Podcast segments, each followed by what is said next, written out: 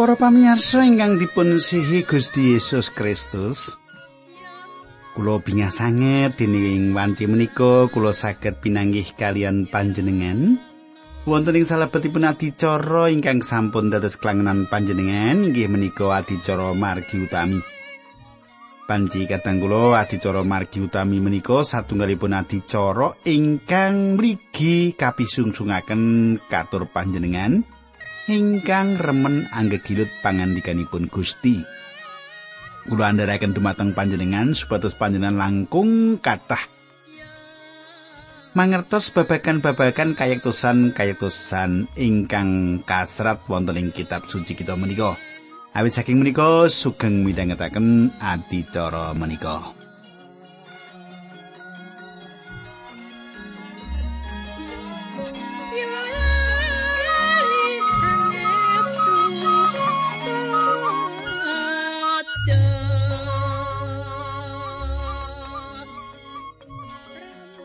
Kadang kula menapa panjenengan tasih kemutan menapa ingkang kula aturaken kepengker? Nggih, Pak. Tasih, Pak. Nggih. Nggih, ketahipun panji ketahe mut, nggih nek mboten imut piye? Tak rewangi saben-saben kula menika ngegono supados panjenengan menika mangertos kayektosan kayektosan wucalan-wucalan ingkang dipun pratelakaken ing kitab suci lah kok ora kelingan iki kepiye. gitu ya. Nah, Ing pepanggen kepengker kula sampun ngrampungaken nanging kawula ngandharaken babagan kitab para rasul. Kados janji kula kepengker, kita badhe sinau saking setunggal kitab. Inggih menika saking setunggal Samuel.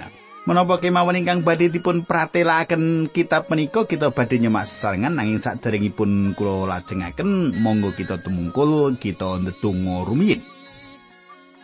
Duh Kanjeng Rama ingkang dampar wonten kraton ing kasuwargan kawula ngaturaken gunging panuwun. Menawi wekdal menika kawula saged tetunggilan kawula saged sesarengan sederek-sederek kawula ingkang setya tuhu midhangetaken adicara menika. Kawula nyuwun tuntunanipun Gusti Yesus kanthi Roh Suci Paduka kanthi makaten kathah sanes sederek kawula ingkang paham babagan kayektosan kayektosan ingkang dipun pratelakaken kitab suci menika. Dinambaran asmanipun Gusti Kawula Yesus Kristus kawula ndedonga haleluya amin.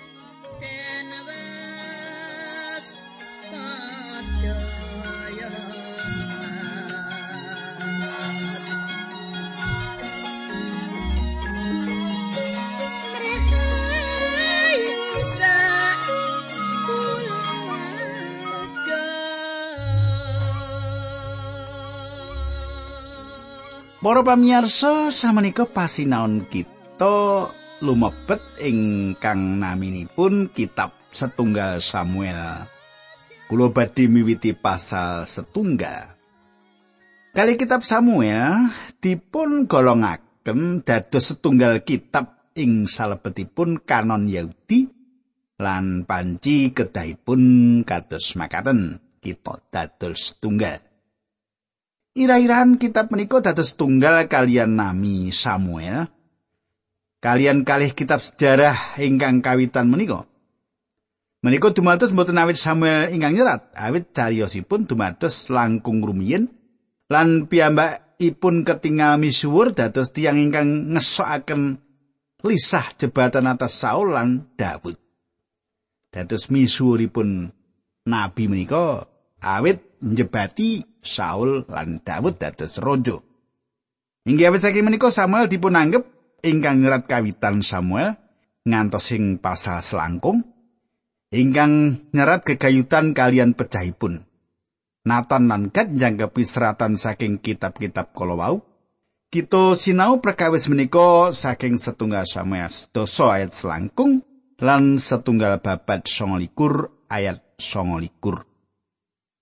Para pamirsa, kalih kitab Samuel ngemot kathah perkawis ingkang sampun kita mangertos. Kita maos gegayutan kalian madegipun kerajaan Israel. Wonten ugi cariyos bab Hana lan larenipun ingkang tasih alit ingkang nami Samuel. Kasrating salebeting kalih kitab menika inggih menika cariyos Daud lan Goliat saha pamitran ingkang ngidapi-dapi lan andadosaken jangget ing manah tawisipun Daud lan Yonatan. Kita gadah seratan kekaitan kalian Rojo Saul ingkang dumugi ing papanipun tukang sihir ing Endor. Lan kali Samuel pitu salah satunggal saking pasal-pasal ingkang ageng piyambak saking pangandikanipun Allah nyukani kita perjanjian Allah kalian Daud. Pungkasanipun kita gadah seratan bab dosa ageng ingkang dipun tindakaken Daud kalian Batseba lan gegayutan kalian pambalilolipun ingkang putra jaler inggih menika Absalom. Ing salebetipun kitab Para Hakim kita manggihaken bilih Gusti Allah ngagem tiang limrah kathah ing antawisipun ingkang gadah kalepatan lan cacat ingkang saestu. Carios-carios tiang-tiang menika satunggalipun pamecut ageng kangge kita ing wekdal menika ingkang kalebet tiang-tiang ingkang alit. Nanging ing salebetipun setunggalan kali Samuel kita kepanggih kalian tiang ingkang leres-leres ketinggal dipun sebataken Hana, Eli, Samuel, Saul, Yonatan lan Daud. Kita badhe tambah mangertos tiang-tiang kalau wau sawetawis kita sinau kitab-kitab menika. Para pamirsa, wonten tigang pokok ingkang saged kaanggep minangka irah-irahan saking kitab setunggalan kali Samuel Donga satunggalipun irah-irahan ingkang kawitan. Donga satunggalipun irah-irahan ingkang kawitan. Setunggal Samuel dipun wiwiti kalian donga lan kalih Samuel dipun tutup kanthi pandonga. Lan kathah donga ing kalih kitab menika. Kathah donga ing kalih kitab menika. Tema utawa irah-irahan ingkang kaping kalih inggih menika ngadegipun kerajaan Israel. Kita sampun nyerat ing salebetipun kitab-kitab menika gegayutan ewah-ewahan ing salebetipun pemerintahan Israel saking teokrasi dumateng kerajaan. Perkawis ingkang penting inggih menika perjanjian Gusti Allah kalian Daud dipun paringaken dumateng kita ing salebetipun kalih Samuel bab pitu. Kita badhe nyukani keterangan salajengipun kegayutan kerajaan menika. Lajeng irah-irahan ingkang kaping tiga inggih menika wontenipun jabatan nabi, wontenipun kalenggahan nabi. Ing wekdal Israel tasih dados negari teokrasi, Gusti Allah makaryo lumantar lembaga kaimaman. Nanging wekdal para iman gagal lan satunggalipun raja dipun jebati, Gusti Allah wiwit mboten ngagem para imam lan ngedekaken para nabi minangka utusanipun. Para pamirsa ngadegipun kerajaan sangat penting. Serat setunggalan kali Samuel nyerat milo bikanipun kerajaan menika ingkang dipun lajengaken satunggal pokok ingkang saestu penting ingkang kamet ing perjanjian lami lan perjanjian inggal. Pawartos kawitan saking perjanjian inggal inggih menika pawartos saking Yohanes Pembaptis. Pangantikane padha mratobato saka dosa-dosamu awit sedilongkas Gusti Allah kersa ngedekake kratoni. Panjenengan saged cemak Matius 3 ayat kalih dosa.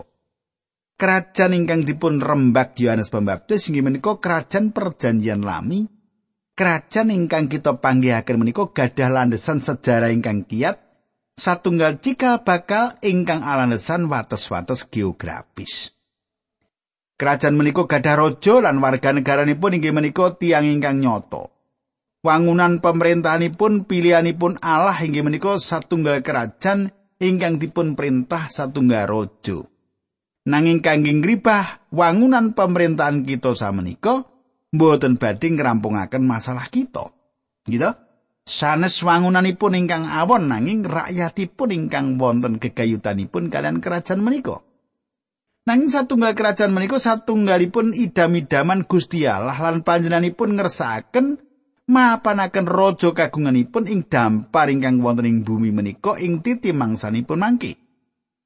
Ing wekdal Gusti Yesus Kristus sang raja katentreman nglenggahi panguwasing jagat menika, pemerintahanipun boten badhe kados ingkang dipun tindakaken manungsa ing wekdal menika. Boten perlu wonten program ngawekani kemlaratan. Satunggalipun program lingkungan utawi reformasi moral nanging badhe wonten kayektosan lan katentreman ngalimputi bumi menika kados toya ingkang ngalingkupi samudra raya.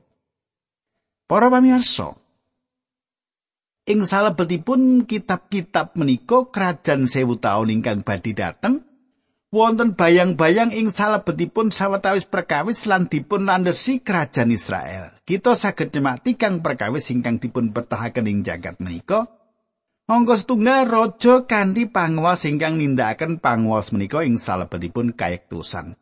Raja kanthi panguwas nindakaken kanthi panguwas. Panguwas menika ing salebetipun kayektusan mangaten nggih. Kalih raja ingkang merintah menika wonten ing salebetipun sumende sawetahipun dumateng Gusti Allah. Raja ingkang gadah panguwas menika suminde sawetahipun dumateng Gusti Allah. Angga 3 Raja ingkang merintah menika kedambangun turut sawetahipun dumateng Gusti Allah. Gusti Yesus Kristus, Raja atas Raja ingkang badhe rawuh menika, inggih menika panjenenganipun ingkang saestu dipun betahaken ing jagat ing wekdal samenika. Monggo kita nyemak wiwit satunggal Samuel bab setunggal. Ayat setunggal ngantos kalih. Ana wong lanang jenenge Akana saka talar Efraim. Manggon ing kutha Rama ing wilayah pegunungan Efraim, Elkana kuwi anake Yoroham, putune Elihu, kelebu keluarga Tohu anake Sub. Elkana duwe bojo loro ya kuwi Hana lan Penina, Penina duwe anak nanging Hana ora. Para pamirsa, Elkana gadah istri kali. Saketuki panjenengan gadah pikiran bilih Gusti Allah ngeparengaken. Nanging kadang kula sejatosipun Gusti Allah mboten ngeparengaken Elkana gadah istri kalih. Kasunyatan bilih perkawis-perkawis ingkang dipun serat ing salebetipun kitab suci mboten ateges bilih Gusti Allah ngeparengaken. Panjenenganipun namung maringi dumateng panjenengan kasunyatan-kasunyatan sejarah. Pribadi-pribadi lan lelampahan-lelampahan. Upaminipun panjenengan badhe manggihaken bilih apus-apus ingkang dipun tindakaken iblis dipun serat ing salebetipun kitab suci. Nanging menika mboten ateges Gusti Allah ngeparengaken.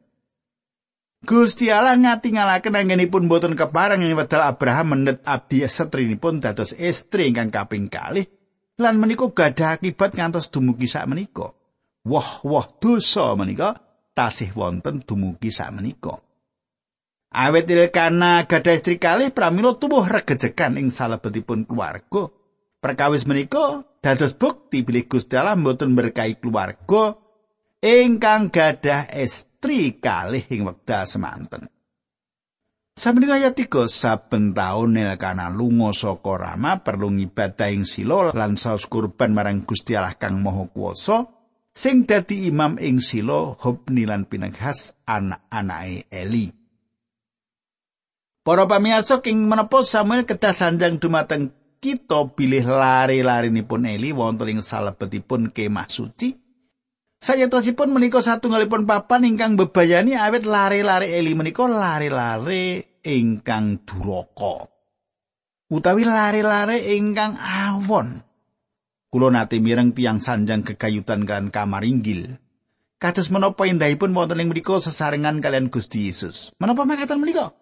Seratan meratelakan bila iblis ngerasui Yudas kamar nginggil satunggalipun papan ingkang bebayani sanget ing Yerusalem dalu menika. Dados kangge ngibadah dumateng Gusti Allah wonten kangelanipun piyambak ing jaman Samuel.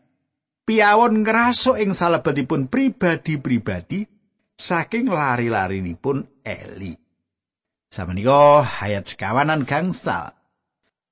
Angger Elkana saus kurban, penina lan anake kabeh diwenehi bagian daging kurban mau, Hana yo diwenehi sebab Elkana tresno banget. Senajan Gusti Allah ora maringi anak marang dheweke. Para pamirsa Elkana nyukani langkung kathah dumateng Hana tinimbang ingkang dipun tindakaken istrinipun ingkang sanes lan sedaya lare-larenipun. Kenging menapa? Piyambakipun nresnani Hana. Ayat 6 Hana tansah disrekake lan dipoyoki dening penina marune mergo oleh ora diparingi anak mau. Para pamirsa sinten mengsaipun Hana? Inggih menika penina. Inggih menika istri ingkang kaping kalihipun Elkana. Tiang-tiang menika mboten wijantenan lan kahanan ingkang kados makaten menika satunggalipun kahanan keluarga ingkang mboten ngremenaken. sak omah ora omong-omong menika ora angel nggih. gitu. Iso nglakoni gitu. Sinten ingkang sanjang bilih Gusti Allah ngeparengaken tiang jaler gadah istri kali? Sinten? Tiang-tiang menika badhe ngadepi perkawis keluarga. Hana inggih menika salah setunggal pribadi ingkang gesangipun nandang kasangsaraning jagat ing wedha semanten. Nanging piyambakipun kesah dumateng Gusti Allah kangge ndedonga. Samenika ayat pitu wolu ngantos sewelas nggih. Makaten surasipun prakara kuwi nganti mataun-taun saben padha menyang pedalaman Gusti Allah Hana diserekake atine dening penina. Hana kerep nangis sarta nganti ora gelemangan. Angger lagi mengkono bojone takon gene kowe nangis Hana. Ana apa kowe ora gelemanganan katon sedih wae? Apa aku ora luwih pengaji tinimbang bocah lanang 10 iku? Ing sawijining dina sawisi padha mangan ing pedalamane Gusti Allah ing Silo, Hana ngadeg. Ing wektu kuwi mameni lagi linggih ing kursine cedhak lawang atine Hana sedih banget lan ndedonga marang Gusti Allah karo mingsek-mingsek. Hana janji tembungi Gusti Allah ingkang Maha Kuwasa Mugi kersa midhangetaken atur kawula, mugi mirsani kasangsaran kawula, mugi tansah ngingeti dhateng kawula. Menawi paduka maring anak jaler dateng kawula kawula janji badhe kawula saosaken dateng paduka sakjengipun gesang rambutipun boten badhe dipun cukur. Para pamirsa ngesokaken isen-isen manah kanthi manah ingkang nalongso. Nyetakaken raos tuwaning manah ingkang lebet awit boten gadah lari. Dados hanande tungo nyuwun lare lan janji dumateng Gusti Allah kalih perkawis menawi pepinginanipun dipun kabulaken. Lare menika badhe dados imam ing salebetipun peladosan kaum Lewi ing saumur gesangipun menika angka setunggal lan angka kalih piyambakipun badhe andadosaken lare menika nasir Allah inggih menika piyambakipun badhe kapisahaken ing salebetipun peladosan dumateng Allah. Samenika ayat 12 lan 13 Hana nggone ndedonga suwi banget eli tansah ngateake Hana ndedonga sajroning ati dadi mung lambene sing umak-umik nanging suarane ora keprungu mulane Hana dikira mendem. Para pamirsa Eli nggih menika Imam Agung lan piyambakipun ningali tiang setri ingkang wonten ing salebetipun kahanan ingkang roak rawehing manah lan mlebet ing kemah suci lan ndedonga Eli ngemataken tutukipun ningali lambenipun ingkang obah, nanging boten mireng swantenipun babar pindah. Cetha Eli boten saged maos obah ing latinipun. Panjenengan katosaken tanggapanipun Eli, nanging menika menapa ingkang dumados sing wekdal semanten. Lare-lare jaleripun Eli remen inum-inuman lan mendem-mendeman. Eli mangertos menika. Nanging piyambakipun boten purun mangertos gegayutan kasunyatan menika piyambakipun menika dados jejering bapak ingkang kesangeten anggenipun ngujo lare-larenipun. Ing wekdal hanan ndedonga kanthi semangat ing manahipun Eli gadah anggapan bilih tiang setri menika mendem. Menapa panjenengan mangertos kenging menapa saged ugi wonten ing tiang ingkang sawek mendem lan dumugi ing pedalaman Gusti Allah. Ayat 14 lan 11 Eli banjur kondo karo Hana ana ing kene aja mendem. Aja ngombe anggur meneh nanging Hana Masri kula mboten mendem Pak.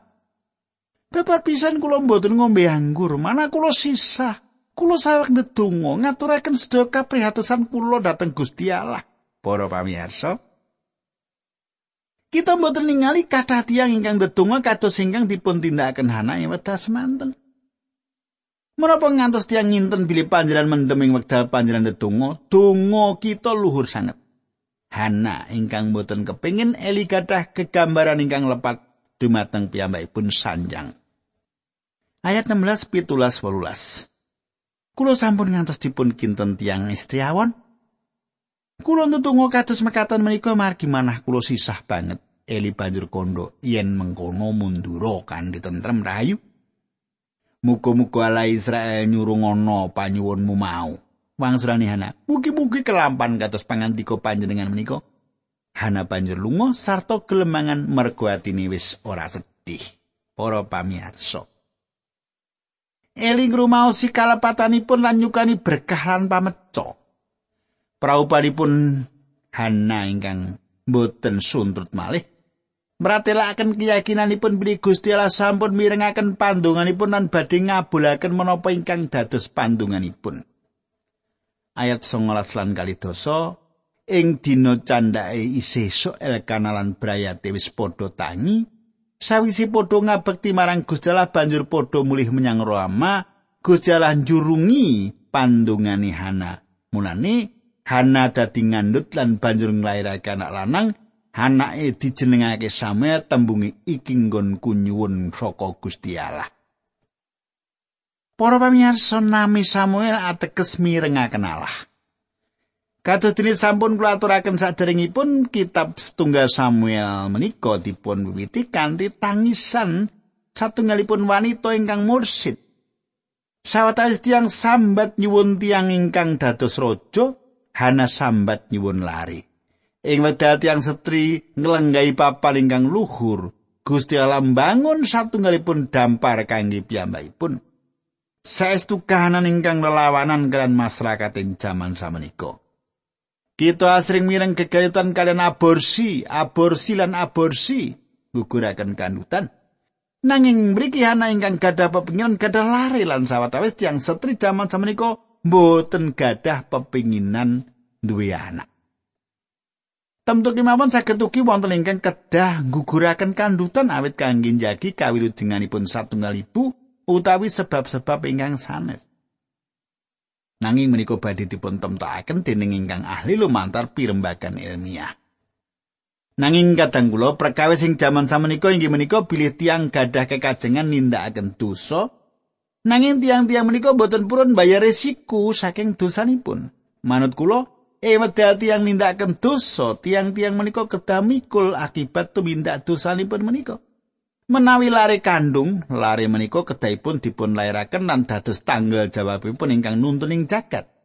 Tiang ingkang butitoya mlajeng saking perkawis menika inggih menika dosa. Kita perlu mangertos prinsip menika. Ayat pitu aja ngapusi awakmu dhewe Gusti Allah ora kena digawe geguyon. Saben wong bakal ngunduh apa sing disebar. Galatia 6 ayat pitu. Kita saweg gesanging jamaning pundi kathah dumados guguraken kanutan. Hana gesanging satunggalipun jaman yang wedal piyambakipun gadah pepinginan, gadah lare, lan piyambakipun misungsungaken larenipun menika dumateng Gusti. Ing salebetipun tangisipun Gusti Allah mbangun satunggal kerajaan, saestu satunggalipun sumbangan ingkang ngedapi-dapi lan satunggalipun monumen ingkang indah kangge tangisanipun tiang setri menika. Kadang kula ayat 24 selawe 26 17 makaten suraosipun. Sawise Samuel disapih senajan isih cilik banget banjur disaosake ibune menyang pedalamane Allah ing Silo. Hana nggawa sapi lanang sing umure telung taun, gandum 10 kilogram, sarta impes kebak anggur. Sapine dibelah dening Samuel diaturake marang Eli, ature Hana marang Eli. Nyuwun pangapunten Pak, menapa Bapak tasih kengetan kula inggih kula menika tiyang ingkang sampun nate panjenengan pirsani ngadeg ing mriki ndedonga dhateng Gusti Allah. Lari menika kawula suwun saking Gusti Allah sarta Gusti Allah sampun minangkani panyuwun kawula menika. Mila lare menika kawula aturaken dhateng Gusti Allah supados dados kagunganipun selaminipun. Sawise mengkono banjur padha sujud marang Gusti Allah. Para pamirsa ing wedahana ngaturaken pisungsungipun dumateng Gusti. Piyambakipun ganepi nadaripun dumateng Gusti Allah, masrahaken inggih menika satunggalipun tembung ingkang ringkih kangge nyetakaken anggenipun masrahaken Samuel saking Hana dumateng Gusti. putusanipun kangge masrahaken Samuel dumateng Gusti mboten saged dipun batalaken. Amin. Wah, mboten saged kalajengaken kateng kula dinten candhaipun kita badhe lajengaken kitab setunggal Samuel menika nggih. Kula matur nuwun atas serat-serat panjenengan nggih tanggapan panjenengan dumateng margi utami menika. Kula ngaturaken salam menika dumateng Ibu Marwanti nggih. Ibu Marawati menika dusunipun Madigondo nggih. Ugi Ibu Lastiti menika saking Cipari. Nah kateng kula monggo kita tumungkul kita ndedonga sesarengan. Duh Kanjeng Rama ing swarga kawula ngaturaken gunging panuwun menawi wekdal menika kawula saged sesarengan lan midhangetaken sabda pangandikan Paduka. Matur nuwun sanget Gusti Yesus lan kawula pasrahaken gesangipun Sri kawula menika wonten ing asta Paduka. Dinambaran asmanipun Gusti Yesus Kristus kawula ndedonga haleluya amin